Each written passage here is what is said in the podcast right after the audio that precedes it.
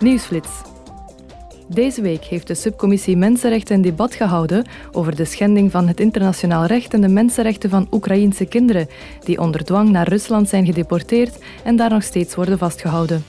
Tijdens het debat informeerden deskundigen de parlementsleden over de laatste ontwikkelingen.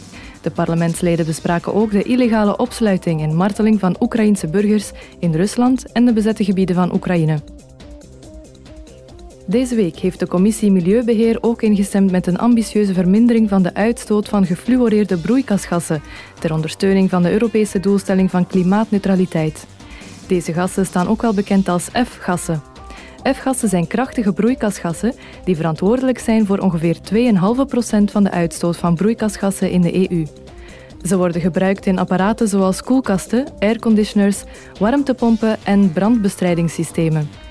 De parlementsleden willen dat de EU sneller overstapt op meer duurzame oplossingen en dus fluorkoolwaterstoffen zoals F-gassen volledig bandt tegen 2050. Gisteren hield de Commissie Internationale Handel een hoorzitting over het creëren van veerkrachtige, duurzame en concurrerende bevoorradingsketens voor kritieke grondstoffen.